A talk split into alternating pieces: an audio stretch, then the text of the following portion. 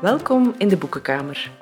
Op vraag van Leuven leest wandel ik, Katrien Steyaert, door het literaire landschap van acteurs, muzikanten en andere creatievelingen die hier in Leuven optreden. We strikken ze net voor de podiumlichten aangaan. En in het gezelschap van een live publiek horen we ze uit over boeken die ze nooit meer vergeten. Goedemiddag iedereen. Vol huis, dat is fijn. Goedemiddag ook Jan. Ja, je zakt een beetje weg in de stoel, moet ik zeggen. Hier vooraan zijn er nog plaatsen, dat is misschien... Nog veel plaatsen. Nog veel plaatsen, dus uh, het is altijd gezelliger als er mensen dichtbij zitten. Hè? We doen altijd een dappere poging, maar het werkt bijna nooit. Ja, oké. Ja, goed. Prachtige dag vandaag. Zeker, zonder om binnen te zitten. Ja, nee, dat denk ik niet. We gaan het tegendeel bewijzen. Eerst en vooral proficiat met je 70ste verjaardag. Ja, dank u. Goed gevierd. Uh, moet het zelf nog, moet het, moet zelf nog winnen. voilà. Dank u wel. Het, het, het, als ik het zo hoor, vind ik het niet erg, maar als ik het zie staan achter mijn naam, hè, zo Jan de Smet, tussen haakjes 70, dan denk ik van, oh boy, zijn we daar al. maar ja, nu kan ik beginnen met een nieuw elan. Hè. Nu staat er terug een nul uh, achter de zeven. Een vers hoofdstuk. Ja, ja, feitelijk is dat ook altijd wel een, een, een césuur geweest in mijn, in mijn eigen leven. Want toen ik 60 werd, zijn we met de nieuwe snaar gestopt. En toen is er een heel nieuw leven begonnen. En, en dat, welk, is, nu, dat is ja. nu nog altijd bezig. Ja. En het is niet dat er nu een heel nieuw leven begint? Dat denk ik niet, alhoewel dat ik wel plannen heb om... Uh, in september heb ik uh, feitelijk mezelf een plezier gedaan. En gaan we programma's spelen met de muzikanten waar ik al heel lang wil mee samenspelen. Twee uh, aparte entiteiten, namelijk Le Guitare Magique, dat zijn drie ja, snaarvirtuozen feitelijk. En dan uh, de Bonnie Blues, uh, dat zijn drie vocale virtuozen, meisjes, die ongelooflijk mooi in harmonie kunnen zingen. Mm -hmm. En dat dan met die akoestische snaarinstrumenten en, en, ja, en mijn liedjes. En natuurlijk de geweldige ondersteuning van de legendarische drummer Stoy Stoffelen, die hier in Leuven toch ook wel bekend is. En die ik feitelijk mijn eigen drummer mag noemen, want die speelt altijd mee als ik ergens ga spelen. Dat is een solide ritmesectie, zeg maar. Ja, dus dat is een soort cadeau aan jezelf. Ja, ja. Ik heb me vandaag vestimentair trouwens aangepast aan Leuven, want ik heb een t-shirt aan van een Leuvense legende, alstublieft. Die is nog niet in de handel. Ik heb die gekregen van mijn verjaardag. Dus voilà. Nog niet. Nog niet in de handel. Ik denk dat zijn, want zijn eerste plaat wordt terug uitgebracht en ik denk dat dat deze week gaat gebeuren. Ja. Oké. Okay. De, eerste, de eerste plaat van Big Bill. Die, ja. Dus ook wij kunnen onszelf cadeautjes ja, geven. Ja, zeker. Binnenkort. Ja. Maar dat betekent, je zegt het, dit najaar opnieuw op tournee. Ja. Maar sinds het einde van de Nieuwe Snaar ben je ook alles behalve gestopt met optreden. Ja, we zijn, we zijn gestopt in, um, zoals ik al zei, december 2013. En toen was het net uh, kerstvakantie. En de dag na de kerstvakantie ben ik in een ander project gestapt. En dat is altijd maar doorgegaan. Dat is altijd blijven doorgaan. Ik werd altijd opnieuw gevraagd voor andere dingen. Ofwel bedacht ik ze zelf en dacht ik van, dat heb ik nu nog nooit gedaan, dat ga ik nu eens doen. Mm -hmm. ja. Er is nu nog zo'n een, een, een, maar uit te leggen. Uh, een project dat, dat ik al heel graag een keer wou doen en dat heet De Muziekwinkel. Dat is een solo-programma, dat doe ik helemaal alleen. En ik heb mij de opdracht, mijzelf de opdracht gegeven om nooit hetzelfde instrument te spelen. Dus geen twee keer hetzelfde instrument. Dus ik breng 23 muziekinstrumenten mee, die ik dan ga aflopen en elke keer een bijpassend liedje en een beetje een uitleg over dat instrument en anekdotes over het liedje. En dat is iets voor begin volgend jaar gaan we daarmee beginnen. Ik ben nu al een paar try-outs aan het doen en dat begint goed te marcheren. Ja. Oké, okay, de agenda is nog lang niet leeg, um, maar optreden betekent denk ik ook wel best wat wachten. Tussen Ja. het soundchecken of het aankomen en Dat beginnen. klopt, ja. Dood jij die tijd met lezen? Nee, daar is, daar, is, daar is feitelijk te weinig tijd voor, want we komen meestal toe rond vijf uur, half zes. Hè, dan worden de instrumenten opgesteld.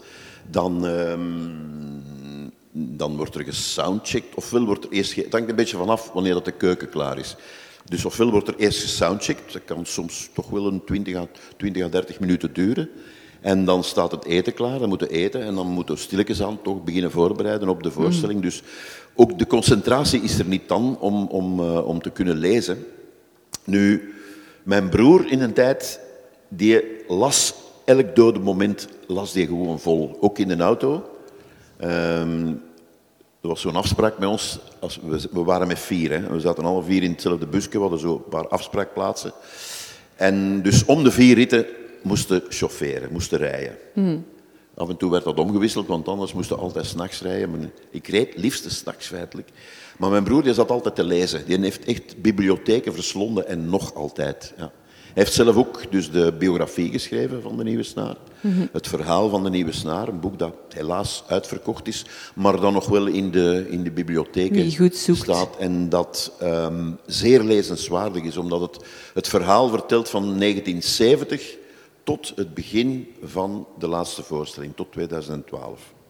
En wanneer vind jij dan wel momenten van concentratie om te lezen? Dat is meestal in, in, in vakantieperiodes.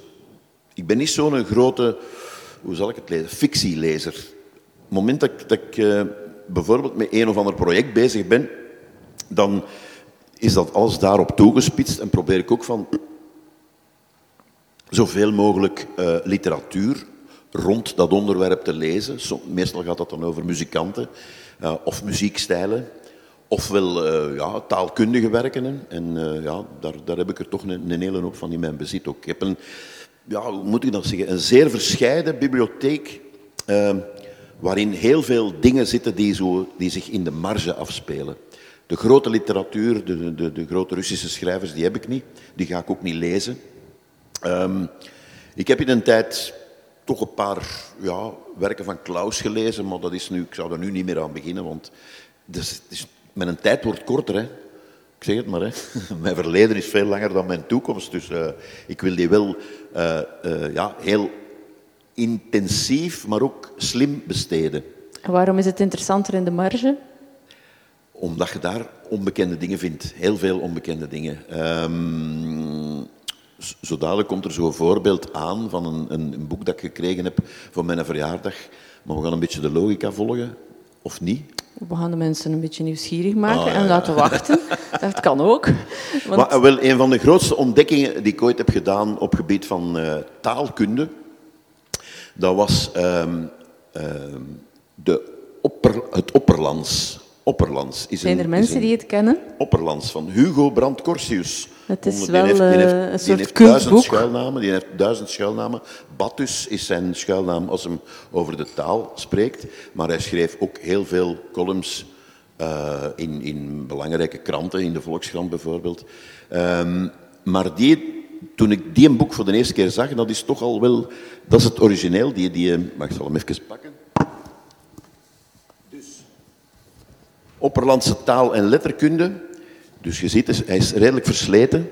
Ik heb hem heel veel ter hand genomen en dan een jaar of tien geleden kwam er een herwerkte versie en die, die was dubbel zo dik.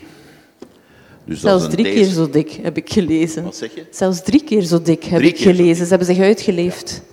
Wat is er nu zo interessant aan Opperlands? Wel, ik kan u feitelijk alleen maar overtuigen door een paar voorbeelden uh, te geven. Misschien is dat wel het beste idee, want ik zou het heel theoretisch kunnen uitleggen van voilà, dit en dat. Uh, en, uh, maar het is... er is, is een soort een... eigenzinnig taalhandboek, hè? Misschien moet ja, het is dat het enige al, wat we moeten zeggen. Alle trucken en alle rare dingen en alle ja, plezierige dingen dat je kunt doen met de Nederlandse taal, die worden hier onderzocht.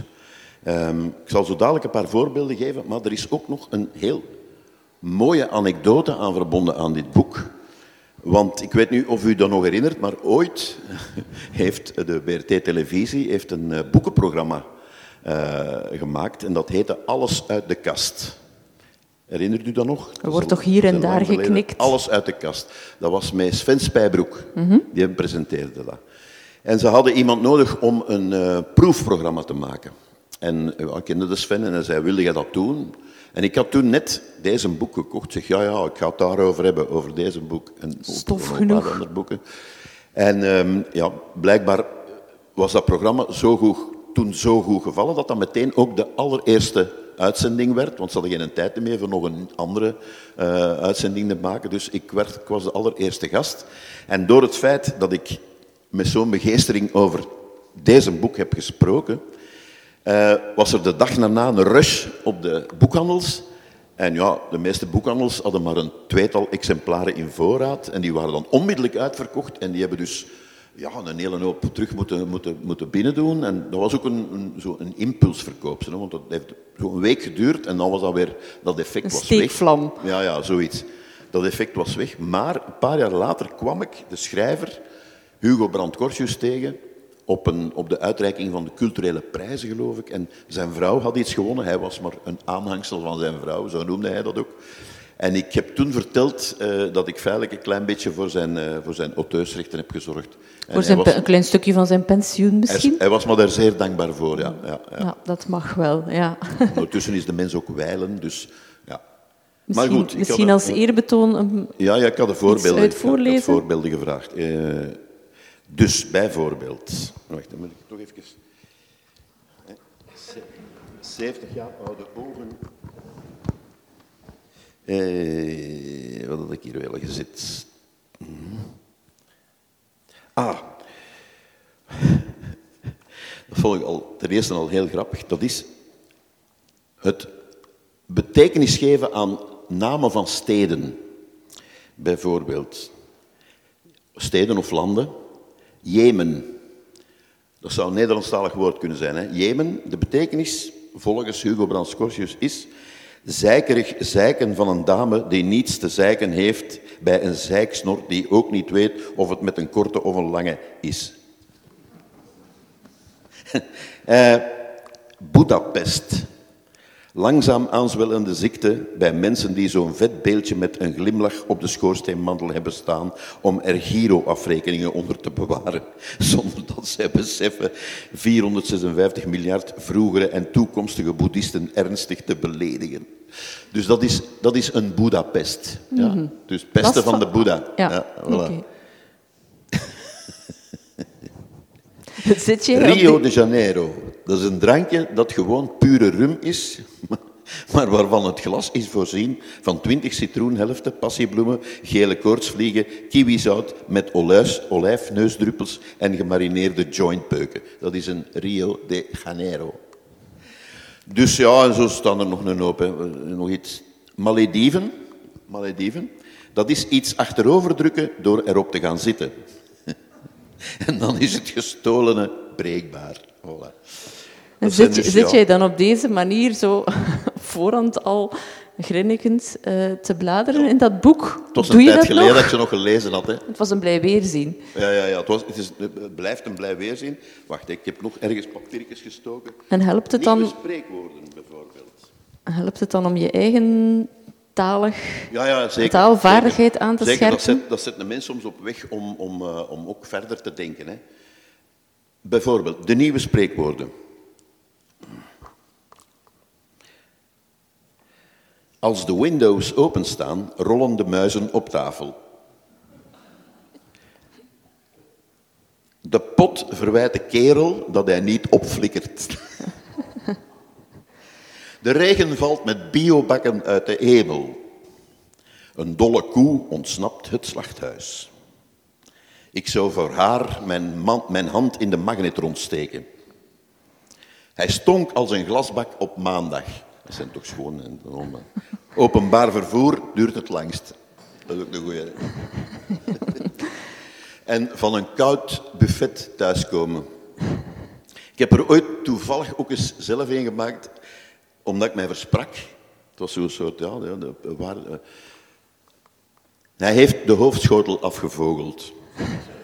Ook een mooie. Schoon, hè? Ja. ja en de herziene editie kan hij er misschien in. Zij is in dat huwelijk degene die de afstandsbediening vasthoudt. Wie niet horen wil, zet zijn mobieltje uit. Dat zijn echt wel typisch nieuwe spreekwoorden. En wat hebben we hier nog? Ja, er staan ook een hele hoop verhalen in. Bijvoorbeeld zonder gebruik te maken van de letter O of de letter I, of door alleen maar klinkers met de O te gebruiken. Uh, de eerwaarde heer Vitalski is daar ook een meester in. Ik weet niet dat je die kent, maar dat is ook feitelijk een opperlandicus puur sang. Dat is ook iemand die geweldig goed met taal kan omgaan en dat ook heel veel doet. Uh, Hier in deze boekenkamer is Georges Perec ook al wel eens ter sprake gekomen. De man die een hele roman schreef zonder E. Ja, ja dat, dat, dat is dus een... Um, wacht, zien. Helemaal op het einde staan er een paar zotte zinnen die dus niet konden geclasseerd worden. Bijvoorbeeld, de poes kotst in de postkoets. Zeg dat maar eens twintig keer naar elkaar. De poes kotst in de postkoets. En dan, heel belangrijk, dit is de enige zin in dit boek waarmee niets aan de hand is. 5, 6, 7, 8, hoedje van krampacht. Wie dit hardop leest, valt dood. Oei. Palmolie uit oliepalm is lampolie voor olielamp. Dat, zijn dat is een doordenkertje. Ja, ja, dat is een doordenker. De, een van de grootste ambassadeurs van het Opperlands was een andere taalvirtuoos, or categorie, doctorandus P. Inderdaad. Ik denk dat, ik word hier al instemmend geknikt, dus ik moet die man niet introduceren. Maar jij hebt het voorrecht gehad hem persoonlijk te kennen. Ja. Wat, was zo, wat waren zo de bijzonderste momenten? Dat is eigenlijk heel organisch gebeurd, omdat op een bepaald moment konden wij met de Nieuwe Snaar een week in de Kleine Comedie spelen in Amsterdam. Eh, we hebben dat jaren, om de twee jaar stonden er al wel een week, met, met, met altijd met een nieuwe voorstelling. En op een bepaald moment dacht ik van, ja, ik moet mijn grote held uh, van, uh, van het Nederlandstalige ja, rijm, de rijm, rijmkoning feitelijk, zou ik hem toch een keer willen uitnodigen. En ik heb dat dan gedaan via Jean Blauten, omdat hij met, met, met Jean al samengewerkt had in, in het Arca Theater in Gent.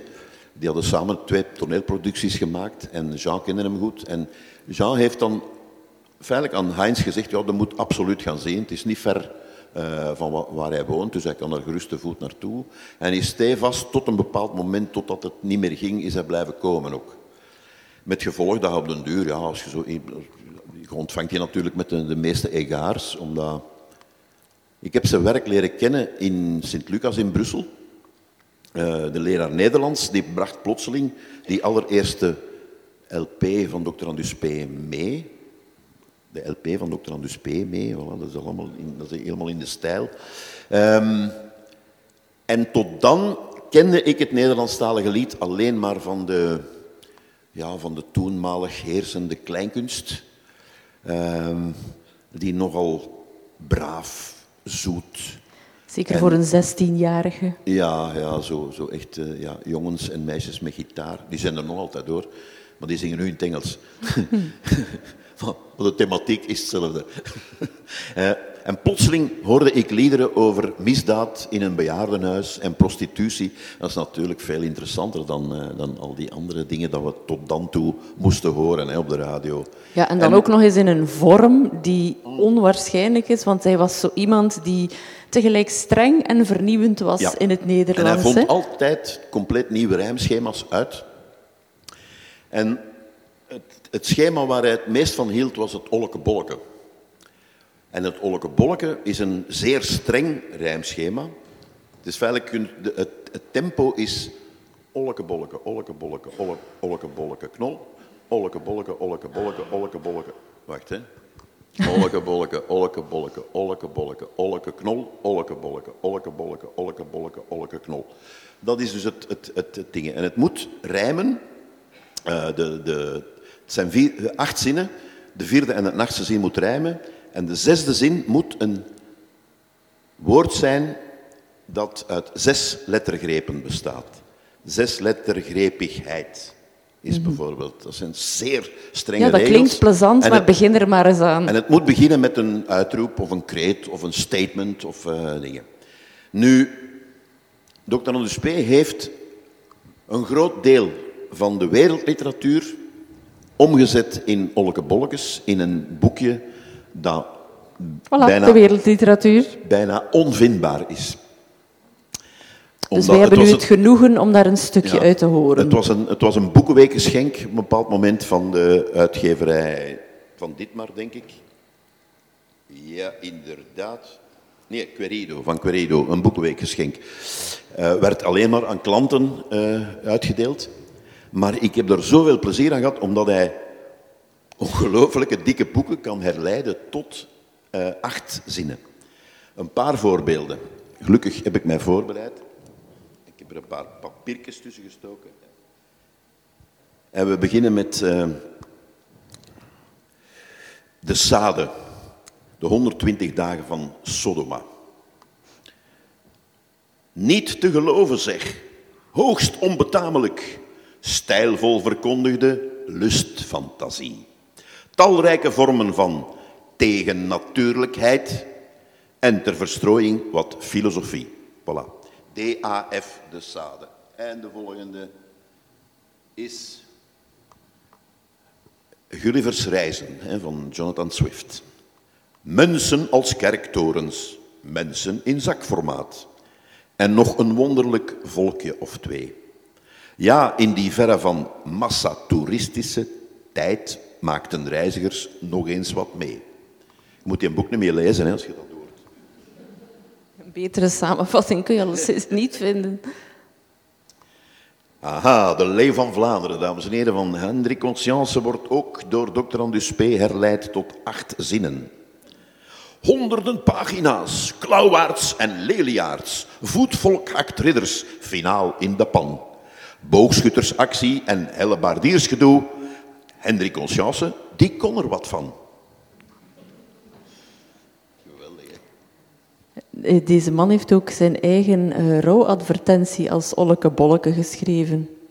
Dat klopt, ja. Die neem ik op deze moment niet bij, maar die heb nee, ik heb hem hier, Ja, maakt niet uit, maar ik vond dat heel frappant. Eh, dat hij dus dat doordrijft tot het aller, allerlaatste moment.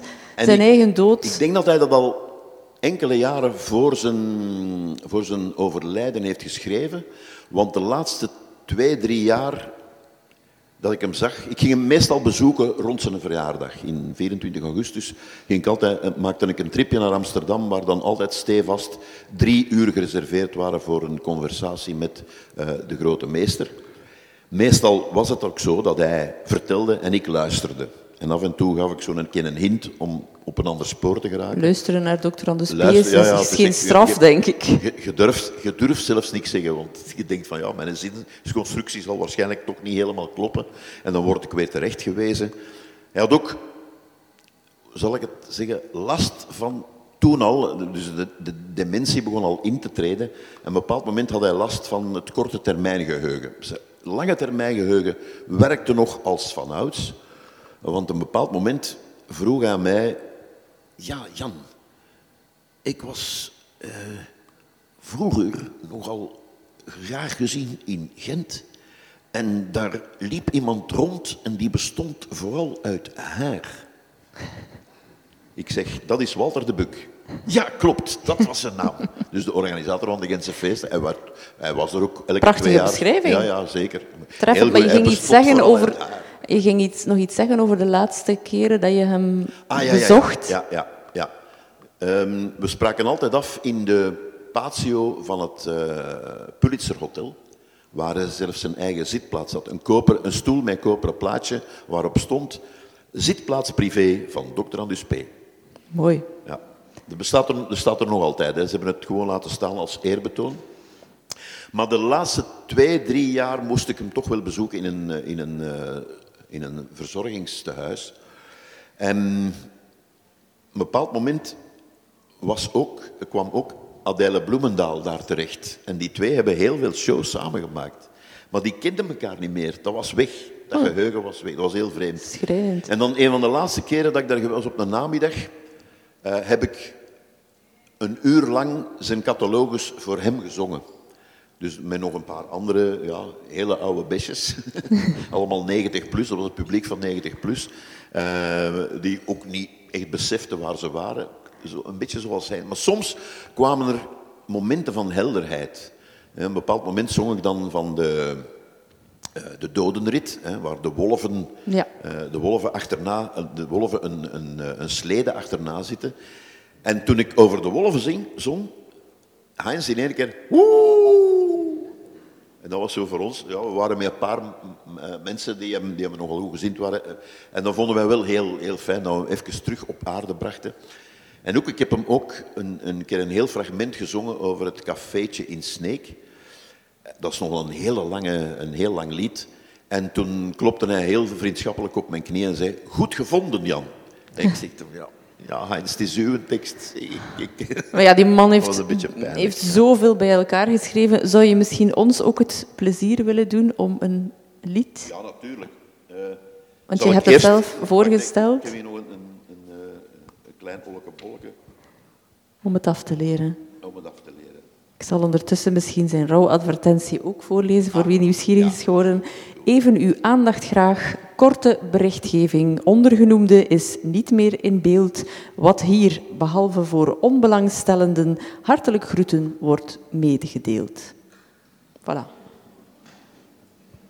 Eindigen in stijl. À la recherche du temps perdu van Marcel Proust. Wie kent die titel niet? À la recherche du. Proust, Marcel ging naar het verleden op zoek. Zelden of nooit kwam een tijdverliesgevende speurtocht in zo'n onvergankelijk boek. Dat is een perfecte analyse van die boek. Hè? Absoluut. Um, even naar iets helemaal anders. Ik heb je ooit eens in een interview horen zeggen: Ik ben vooral op zoek naar lichtheid. Dat is duidelijk, denk ik. Maar af en toe laat ik ook zwaarmoedigheid toe. Past een boek als 1942 van Herman van Goethem daarin? Of waarom lees je zoiets? het is een, uh, iets wat, wat mij al, ja, en veel mensen denk ik, echt fascineert, is de, de onzin van de oorlog. En ik probeer er ook zoveel mogelijk over te weten te komen. Om dat en ik probeer dat te begrijpen, maar dat lukt niet. Dat is onbegrijpbaar, zoiets. We maken het nu weer terug mee met eh, Rusland en Oekraïne. En dat zijn zo dingen, als je die beelden ziet en je hoort die berichten, dan... dan ik, allez, ik kan daar echt niet bij.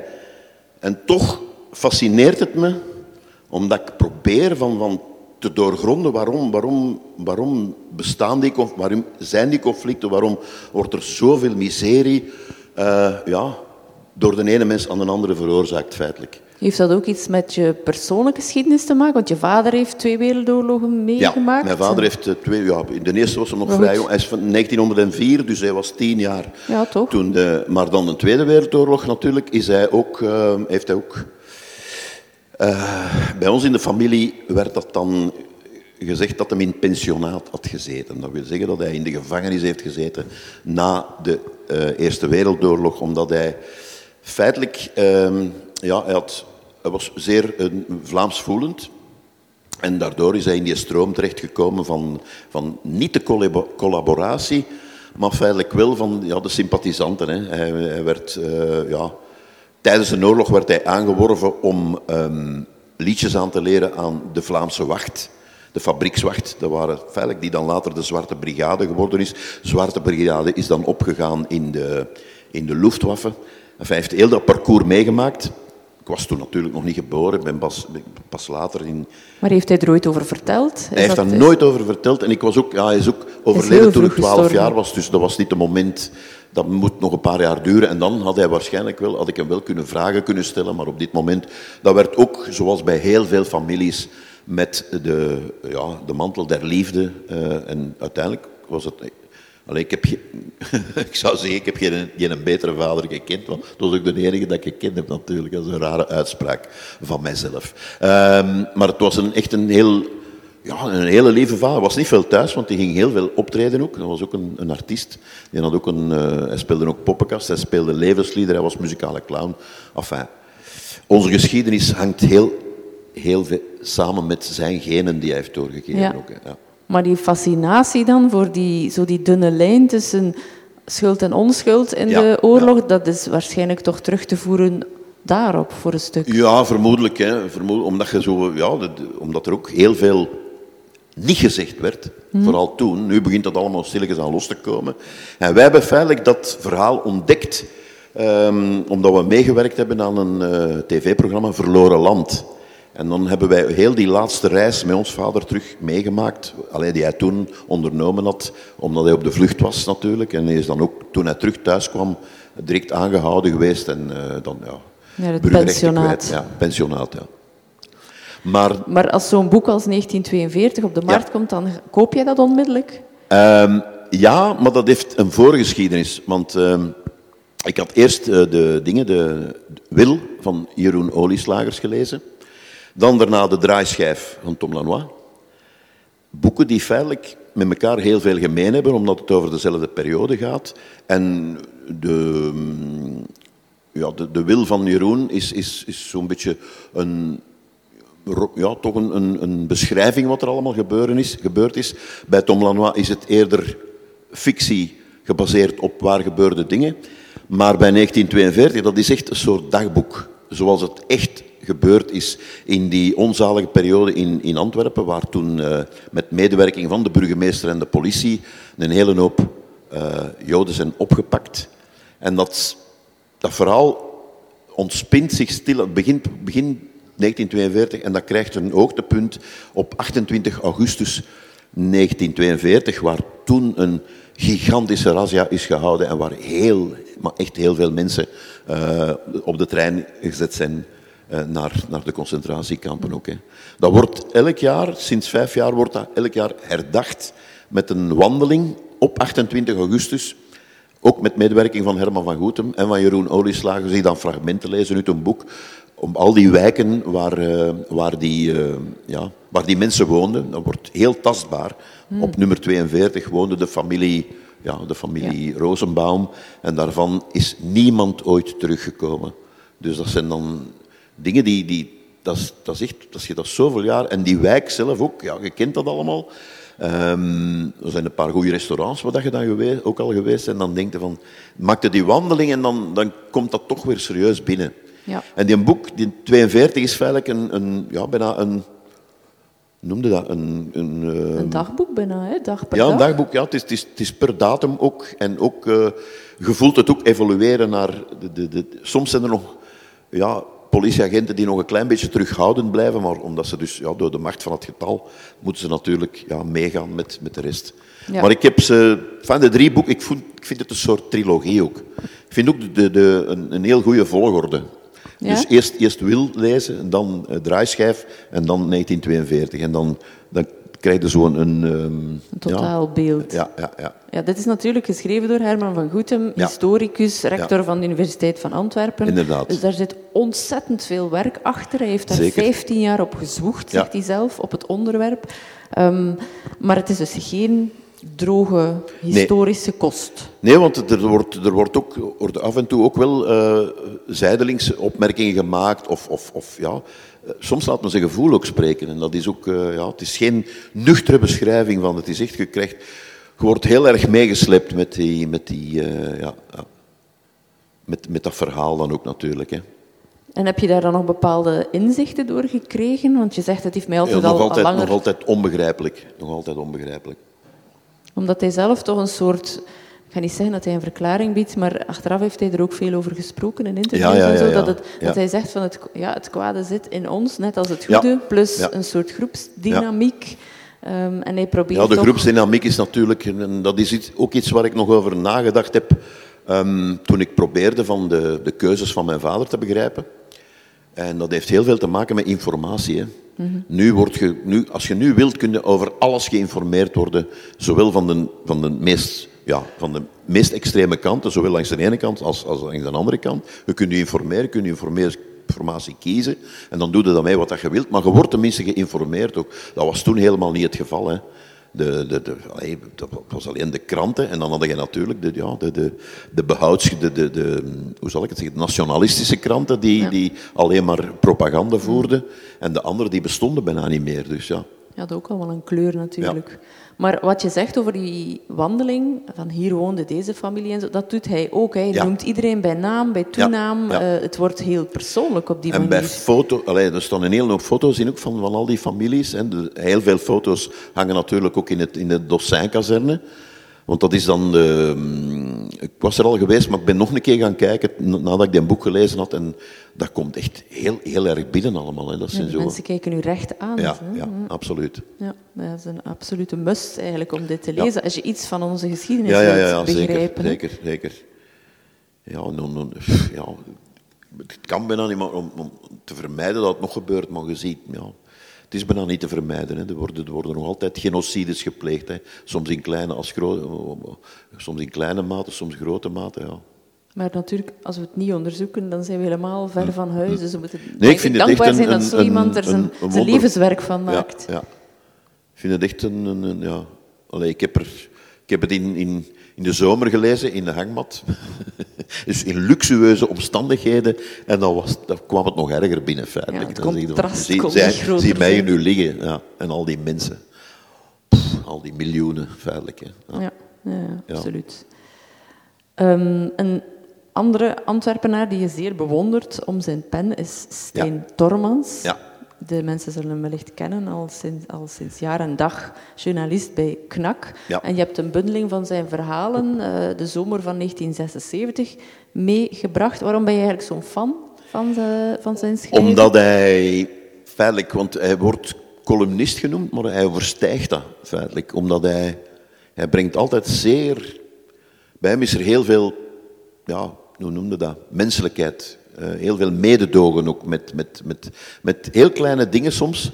Als je weet dat hij een van de eh, aanstichters is die ervoor gezorgd heeft dat de ster van de Belgische spoorwegen in het Noordstation, dat die er nog altijd hangt. Die prachtig gestileerde ster die er al zoveel jaren hing. Die ging weg, weggedaan worden, maar de Stijn is een actie begonnen en de ster hangt er nog altijd. Hij heeft nu ook actie ondernomen om die houten banken eh, terug te zetten. De houten banken van het Noordstation. Ehm, en al die klein menselijke verhalen die zo... Ja, allee, nu, nu, de banken die er nu staan, daar kun je dus niet meer op liggen. Ik bedoel, je kunt niet, meer- als je zegt van ik moet nog een uur wachten... en ik-. Wat blieft? Ze zijn ook gewoon lelijk. Ja, ze zijn heel lelijk. en koud. Mhm. Terwijl die houten banken... Enfin, dat, is, dat, zijn maar, dat is een anekdotiek natuurlijk, hè, maar om, om maar te zeggen... ehm, ja, het is een tijd geleden dat ik een boek nog gelezen heb, maar het, het, is, het is alleszins... ehm, Het is ook weer die marge, die petite histoire, ja, waar je voor de valt. kleine, de kleine verhalen, inderdaad. Hij heeft ook een, eh, een, een heel mooi... eh, hij is ook... Dat is nog niet zo lang geleden trouwens. Had hij aan mij gevraagd of dat ik eh, wist waar het meisje van Amsterdam... Dat wil zeggen Amsterdam, het liedje van Chris de Bruyne... Hè, ehm, waar hij dus over een verloren liefde zing- zong. Zingt nog altijd. Als, als iemand anders uitvoert, wordt er nog altijd over gezongen natuurlijk. Ehm, en Stijn vroeg of, of ik wist waar die ergens, waar ergens woonde. En ik wist dat ze in Amsterdam woonde. Want ik was er nog tegengekomen op zijn, op zijn herdenking van twee jaar geleden. Toen in volle corona hebben we toch een Chris de Bruyne herdenking gehouden in het Zuiderpershuis in Antwerpen. Dat was heel in- intens, omdat er nog maar juist gebeur- ge- gebeurd was.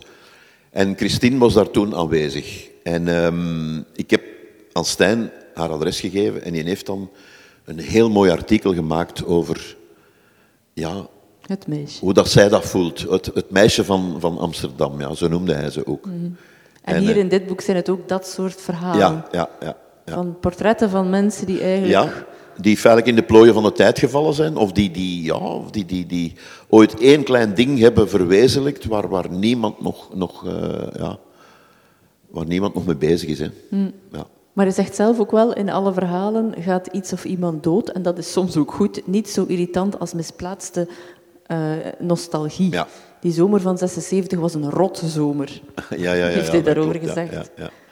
ja ik, was, ik weet het ook nog, ik was toen 76, ik was toen eh, 23, ja, wij waren toen net, in die zomer hebben wij toen heel veel volkfestivals gespeeld. Niet alleen in Vlaanderen, maar ook in het buitenland, Frankrijk en Duitsland. En ehm, En jullie kapot gezweet. ja, absoluut. En, en ook heel veel ja, in, in auto's gezeten zonder airconditioning. En dat is natuurlijk, ja, de ramen open dan. Hè. Ja. Het is een mirakel dat je hier nog zit eigenlijk. Ja, misschien daarom. Maar ondertussen is Stijn ook een, een vriend geworden en heeft hij ook een, een, een ander Ja. boek cadeau gedaan voor je Ja, ik heb voor mijn zeventigste een boek van hem gekregen. En dat heet The Englishman Who Posted Himself and Other Curious Objects. Ik heb het nog niet gelezen, maar ik heb er al wel een keer doorgegaan, doorgebladerd. En ik wist, oké, dat lijkt wel één verre voorvader van mij. Want die mens Die doet eigenlijk hetzelfde wat ik ook al een hele tijd heb, altijd graag doe. Nu is het een tijdje geleden, maar... En dat is een soort van mail art.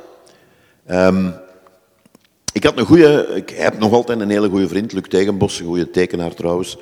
Ehm, en wij hebben ooit bij elkaar besloten om een, uh, om een huis naar elkaar op te sturen. Zien of dat, dat lukt.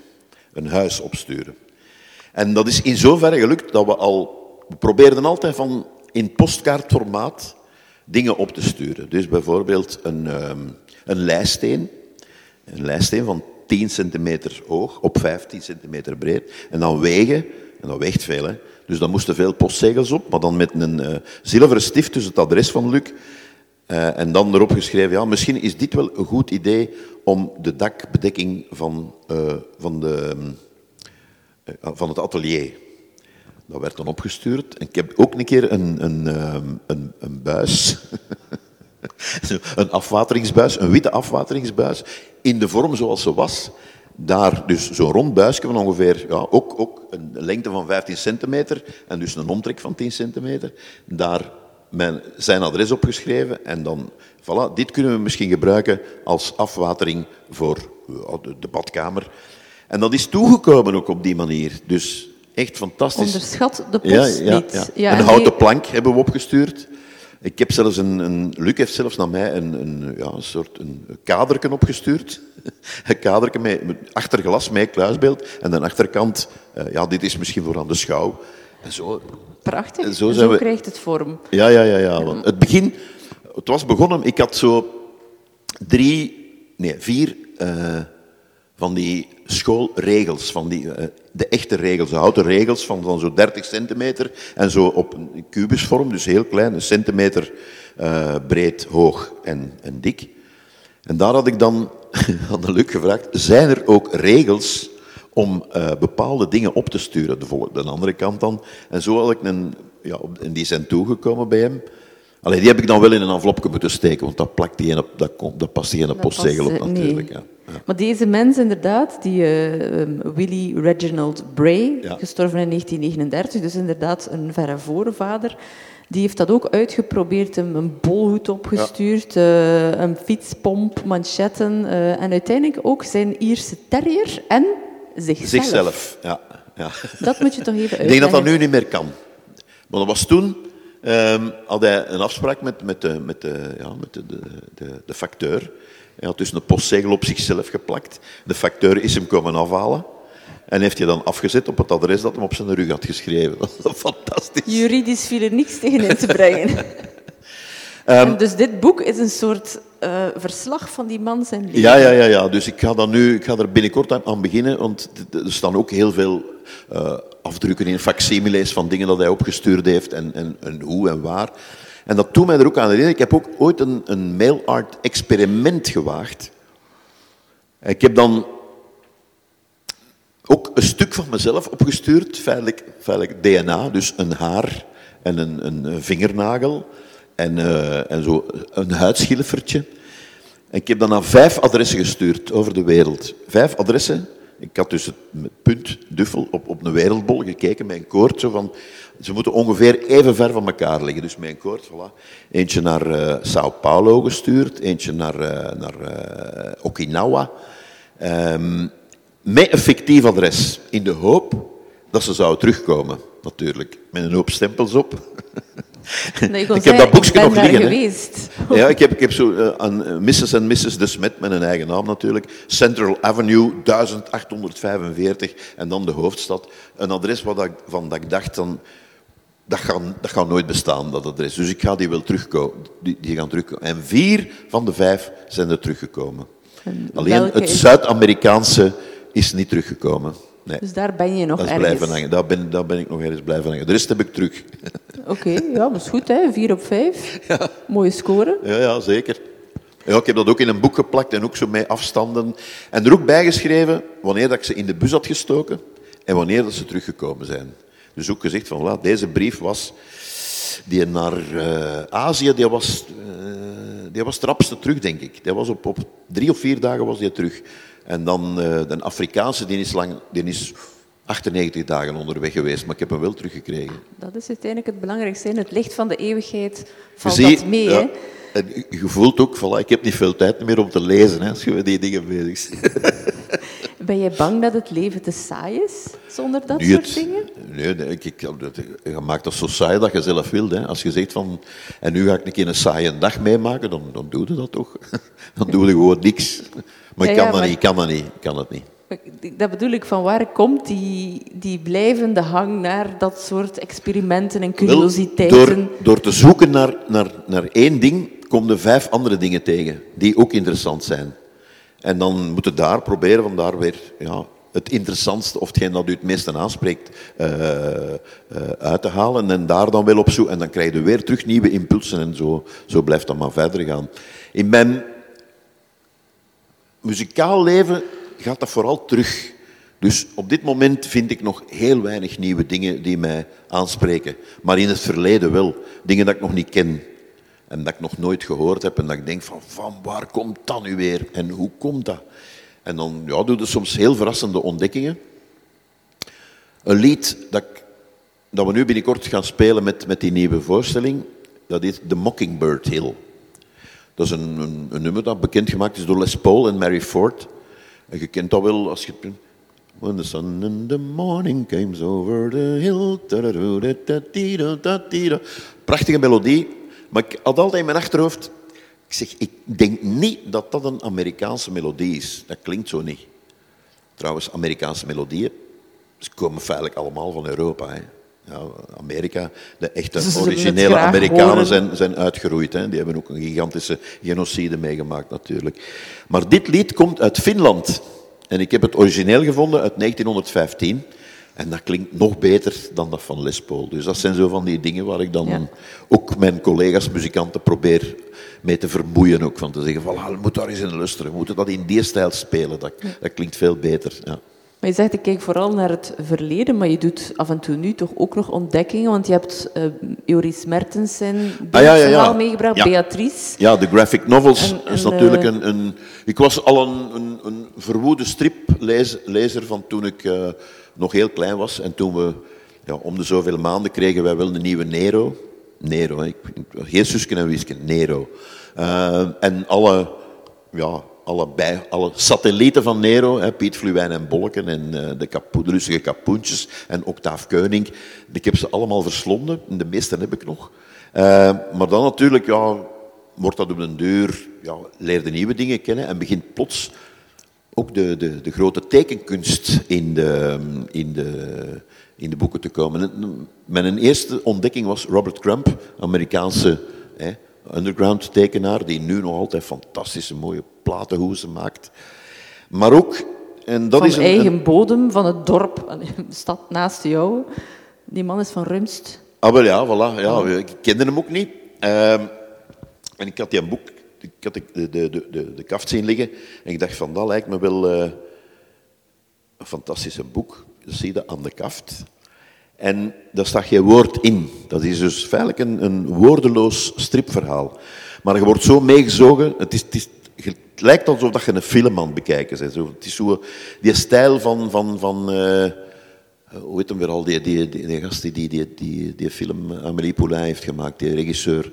Eh, die heeft veel van die van uh, Micmac Atil Larigot bijvoorbeeld. Ik heb daar heel veel films van gezien. Ook Wes Anderson zit er zo wat in. Het is een, feitelijk een magisch realistisch verhaal, maar toch zou het wel eens kunnen dat het echt gebeurd is. En je bent daar wel vatbaar voor, want sommige mensen Ja. knappen af op magisch realisme. Hè? Nee, nee, nee, nee, nee. Ik vind dat echt eh, ik vind dat heel interessant. Ja, ja. Vandaar ook mijn, ja, dat, ik, dat ik zo graag René Magritte zie ook. Hè. Die doet dat ook, hè, van die dingen.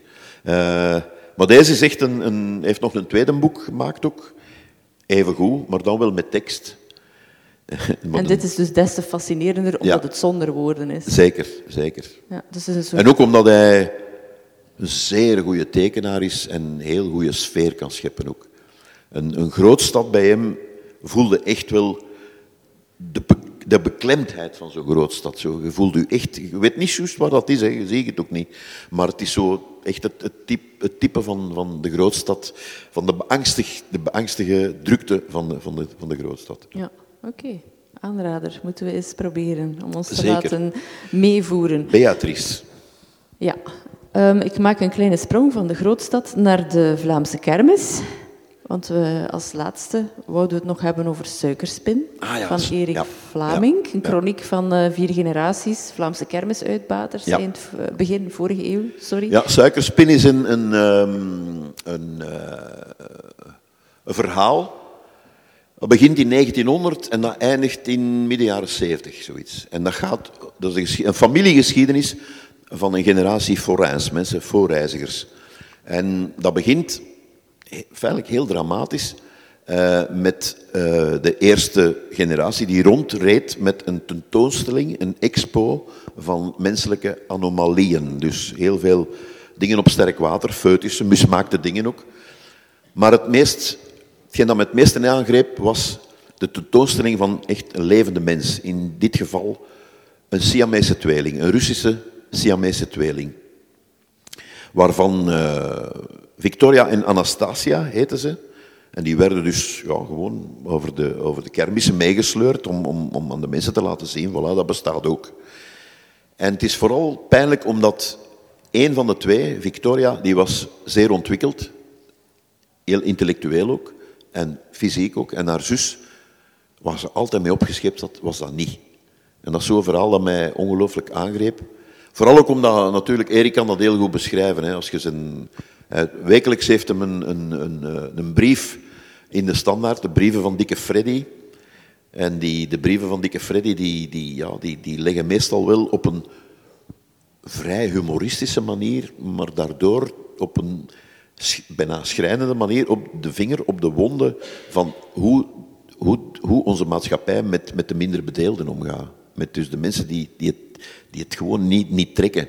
Hè, van, van, ehm, er is één anekdote van Dikke Freddy en hij vertelt van, voilà, als ik brieven schrijf en ik heb geen geld voor postzegels, dan eh, schrijf ik mijn adres op de voorkant en het adres van de bestemming op de achterkant als afzender.